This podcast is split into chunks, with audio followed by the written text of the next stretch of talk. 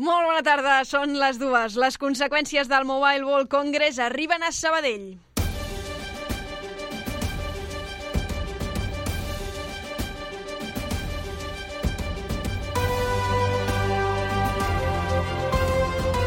Notícies migdia, amb Helena Molist.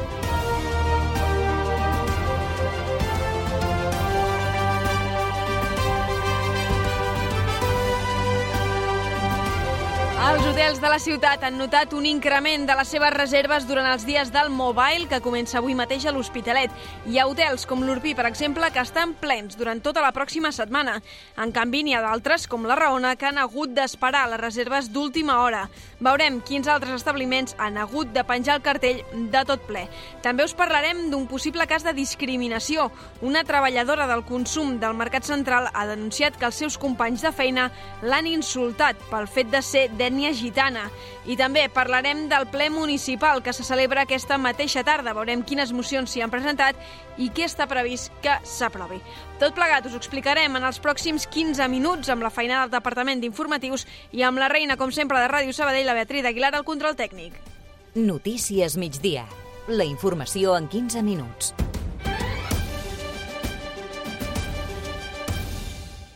Els serveis.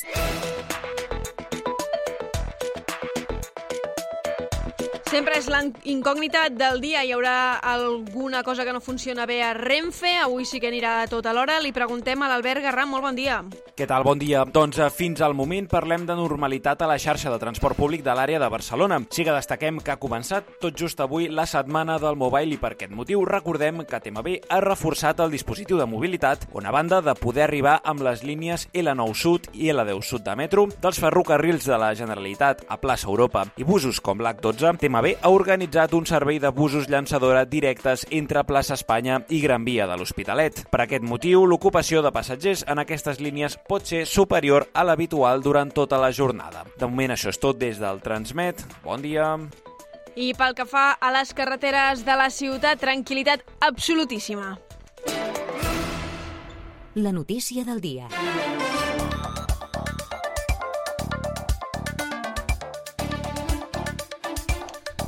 El Mobile World Congress genera un important volum de negoci a Barcelona, però que s'estén més enllà de la capital. De fet, a Sabadell, els hotels també ho noten, tot i que aquest any ho fan d'una forma desigual. L'Hotel Urpí i la Rona han omplert gran part de les seves habitacions, mentre que els de la cadena Catalònia, el Verdi i el Sabadell no han vist que els hagi crescut les reserves. Els hotelers assenyalen que el fet que Barcelona hagi decidit no permetre reserves de menys de 3 nits els ha ajudat. Mireia Sans, molt bona tarda. Bona tarda, Helena. Sí, ho ha explicat a Ràdio Sabadell la Marça Nervas, directora de l'Hotel Urpí, que destaca que aquesta situació fa que l'hotel ara mateix tingui una ocupació plena. Sí, aquest any hem fet pleno. L'any passat va costar molt, no es va arribar a omplir pel tema de que ho fan híbrid, el, la fira ja, i aquest any estem ja al 100%. Jo crec que s'està visitant, o sigui, jo crec que és perquè l'ocupació hotelera a Barcelona està al 100% i els, els clients del Mobile Congress han buscat rodalies. Una situació similar es viu a l'Hotel Arraona, on tenen gran part de les habitacions plenes, unes reserves que han anat creixent al llarg del cap de setmana, tot plegat amb un perfil concret de client, tal com assenyala Pilar Naranjo, cap de recepció de l'Hotel Arraona. Gent que ve de, de tota Europa i que potser a Barcelona els és més car, han vist que amb un taxi poden arribar, vaja, reserves fa, da igual d'on vinguin, perquè el preu serà... no mantenim preus mm, per aquesta setmana. D'altra banda, la situació és molt diferent als hotels de la cadena Catalònia, que tenen les habitacions buides. De fet, el seu cap de recepció, en Carles Puig, assegura que des de la pandèmia ha canviat tot molt. Després del Covid ha, ha baixat molt la cosa, però sí, abans del Covid sí, sí que havíem tingut grans empreses amb nosaltres, però després del Covid ja no. Sí, sí, fa anys sí que era un de les dates calentes de, de l'any i, i tenia molta influència, però aquest any inclús diria que a dia d'ara poder és la setmana més fluixa que tenim de tot l'any. Es preveu que l'impacte econòmic del mobile pugui superar aquest any els 426 milions d'euros de l'any passat. El protagonisme al mobile és sobretot per les empreses que hi presenten la seva tecnologia, com la ballesana Acerta Global Healthcare Solutions, que visita la Fira del Mòbil per primera vegada. Per fer-hi què, concretament? Doncs per presentar-hi una recerca que ja s'aplica a alguns hospitals i centres d'atenció primària. La iniciativa analitza a través del Big Data la resistència als antibiòtics davant d'una patologia com podria ser una infecció d'orina. És la primera vegada que l'empresa amb seu a Sant Quirze va al mobile i ho fa per contribuir a fer front a aquesta situació. Però la idea és difondre-ho eh, molt més per, evidentment, eh, intentar eh, contribuir a que no es generin tantes resistències bacterianes ni es disseminin eh, cap a altres llocs. A més, ho afronten com un repte i com una eina per posar en marxa una campanya de conscienciació i sensibilització a l'entorn d'aquesta qüestió. Tota la informació a Ràdio Sabadell. Canviem radicalment de tema. La demarcació de l'Ustec del Vallès Occidental ha denunciat que el Departament d'Educació no està implementant com toca el decret de l'escola inclusiva. Afirmen que actualment els centres pateixen una manca d'inversió econòmica, un fet que deixa els alumnes amb necessitats especials fora d'aquesta inclusió. Núria Garcia, bona tarda. Bona tarda, Helena. En una entrevista al Cafè de la Ràdio, el delegat sindical de l'Ustec al Vallès Occidental, Sami Planes, ha posat un exemple d'aquesta discriminació envers els infants amb necessitats especials especials. Si tenim un, un alumne amb necessitats específiques eh, al, al nostre aula i el traiem de l'aula perquè pugui fer um, altres activitats mm -hmm. i ser atès, no l'estem incloent dins del grup. No? I això passa molt sovint a les escoles per manca de recursos. El sindicat ha fet aquest matí un acte informatiu a l'escola Font Rosella del barri de la Concòrdia. I presumpte cas de racisme al supermercat Consum del Mercat Central. Una treballadora ha denunciat haver estat discriminada pels seus companys pel fet de ser gitana, un tracte que qualifica d'injust i denigrant. Ella mateixa ha explicat el seu cas a Ràdio Sabadell, on ha acusat les seves companyes d'haver-la tractat malament. Intentaba hacer mi trabajo bien y después cuando yo acababa mi turno, cogían a la jefa, le contaban todo del revés, diciendo que ya tenía mal a los clientes, se había quemado pan, diciendo cosas que eran mentiras porque obviamente cuando haces algo mal lo tienes que, comunicar en el ordenador.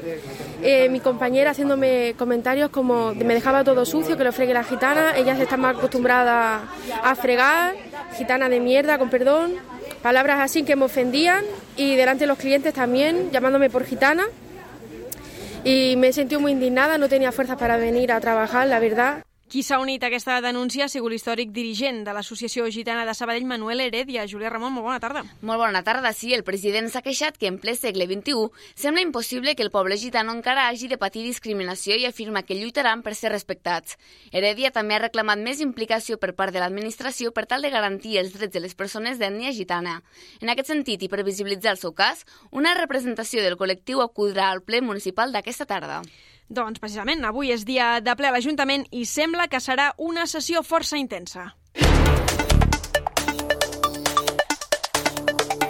Banda, perquè les famílies de l'escola Andreu Castells demanaran que no torni l'equip directiu del centre de baixa des de fa un mes i de l'altra, perquè, com és habitual, els diferents partits polítics aprofitaran per reclamar una sèrie de mesures en forma de moció. Sí, la que previsiblement agafarà més volada és la polèmica de l'Andreu Castells a Can Rull.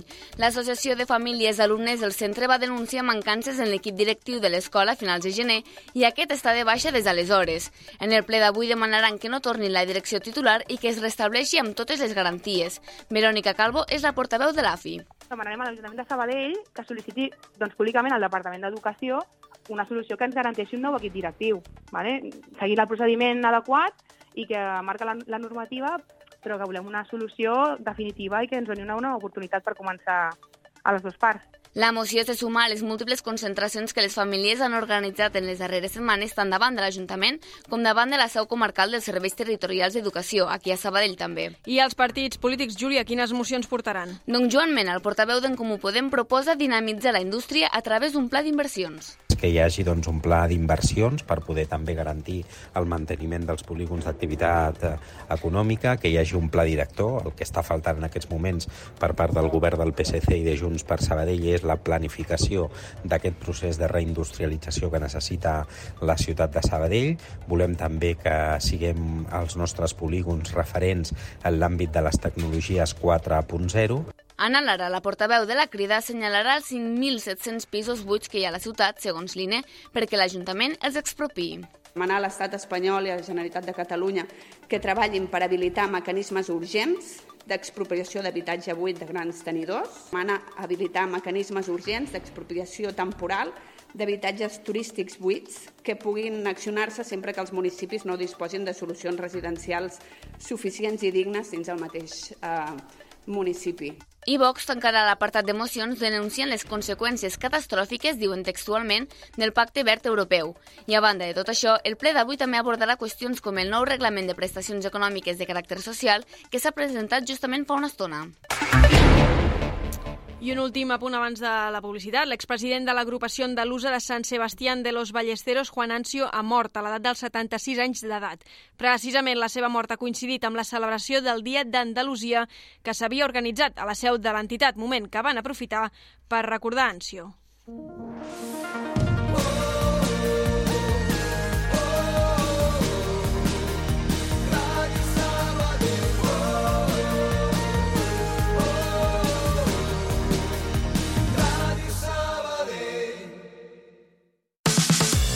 Coneixes l'app de Taxi Més? Descarrega-te-la i reserva un taxi còmodament des de la nostra app. Més informació a taximesapp.com. Taxi! Ràdio Taxi Sabadell, el teu taxi de referència a Sabadell. Ràdio Sabadell. Notícies.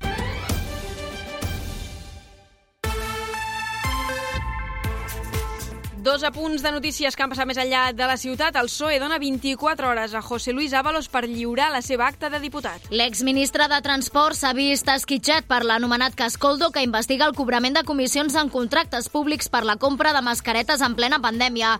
Coldo García, principal investigat, era la mà dreta de Valós durant la seva etapa al Ministeri.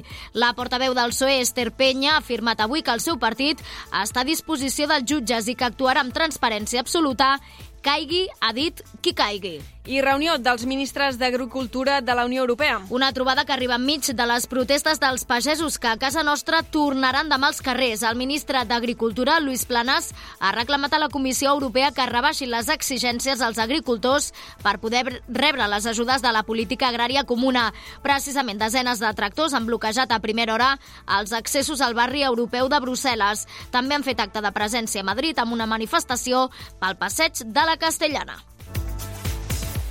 I l'Ajuntament de Sabadell ha mostrat el seu condol a les famílies afectades per l'incendi de dijous a València amb un minut de silenci. Sí, aquest migdia les 12 representants de tots els partits polítics amb representació a Sabadell s'han concentrat a la plaça de Sant Roc juntament amb alguns agents de la policia municipal i ciutadans a títol individual que s'han sumat a la causa. Recordem que el sinistre va devorar 138 habitatges i que les famílies han hagut de ser reallotjades en hotels i cases de familiars o amics a l'espera que aquest dilluns mateix s'habiliti un punt per a, per a la renovació del DNI i les acreditacions oficials que puguin haver-se perdut. I èxit de participació en la cursa Corro contra el càncer. Gairebé 1.700 persones van sortir ahir a córrer per recaptar fons per la lluita contra el càncer. Una manera de solidaritat en què tothom corria per algú. Sí, al llarg dels 5 quilòmetres de recorregut es van poder veure i escoltar missatges de força i esperança per a aquells que han patit o pateixen la malaltia. Segons Aleix Rivell, promotor de la cursa i president de We Run, l'oportunitat d'acompanyar i sentir-se acompanyat és l'aspecte més bonic de l'esdeveniment. Però crec que és això, és, és el fet de connectar amb la part més visceral, més, més, més íntima de cadascun de nosaltres, i és el més bonic, jo crec. Just abans de l'inici de la cursa, l'alcaldessa Marta Ferrés, juntament amb membres de l'organització de Calan Redus, van protagonitzar una xiulada contra l'homofòbia en el marc del Dia Internacional contra l'Homofòbia a l'esport. El temps. Fred, però sol a Sabadell, que ens espera per les pròximes hores. Lluís Mi Pérez, molt bon dia. Bon dia, un temps més aviat regirat. El que esperem al llarg de les properes hores ja comencen a caure els primers ruixats a hores d'ara a les comarques de Girona, també d'una forma molt esporàdica alguna nevada a l'Alt Pirineu, estem parlant de moment de cotes de 1.400, 1.500 metres, i en canvi continuar fent vent a moltes comarques de Barcelona, de la Catalunya central, del sud de Lleida i de Tarragona. De fet, al llarg d'aquestes immediates hores aniran caient ruixats i tempestes, especialment a les comarques de Girona. Compta amb algunes calamarsades cap a la selva, també al Baix Empordà, al igual que al nord de Barcelona, cap al Vallès Oriental i al Maresme. Algun xàfec molt més enllat arribarà a la resta de l'àrea metropolitana i al Pirineu, on de fet hi aniran avant ja cap als 1.000 metres a últimes hores del dia. Algun xàfec arribarà per les comarques de l'Ebre d'una forma molt efímera.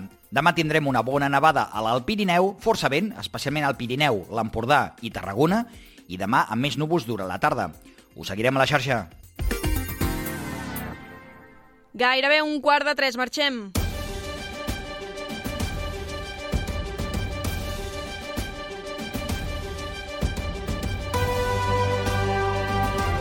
Seguirem treballant, però hi podeu trobar tota la informació a radiosabadell.fm, a la nostra meravellosa web, on també podeu trobar el nostre podcast, aquest podcast, i 40.000 coses més per si no sabeu què fer aquesta tarda. També hi haurà tota la informació del ple municipal que ens portarà la Karen Madrid. Que vagi molt bé, adeu!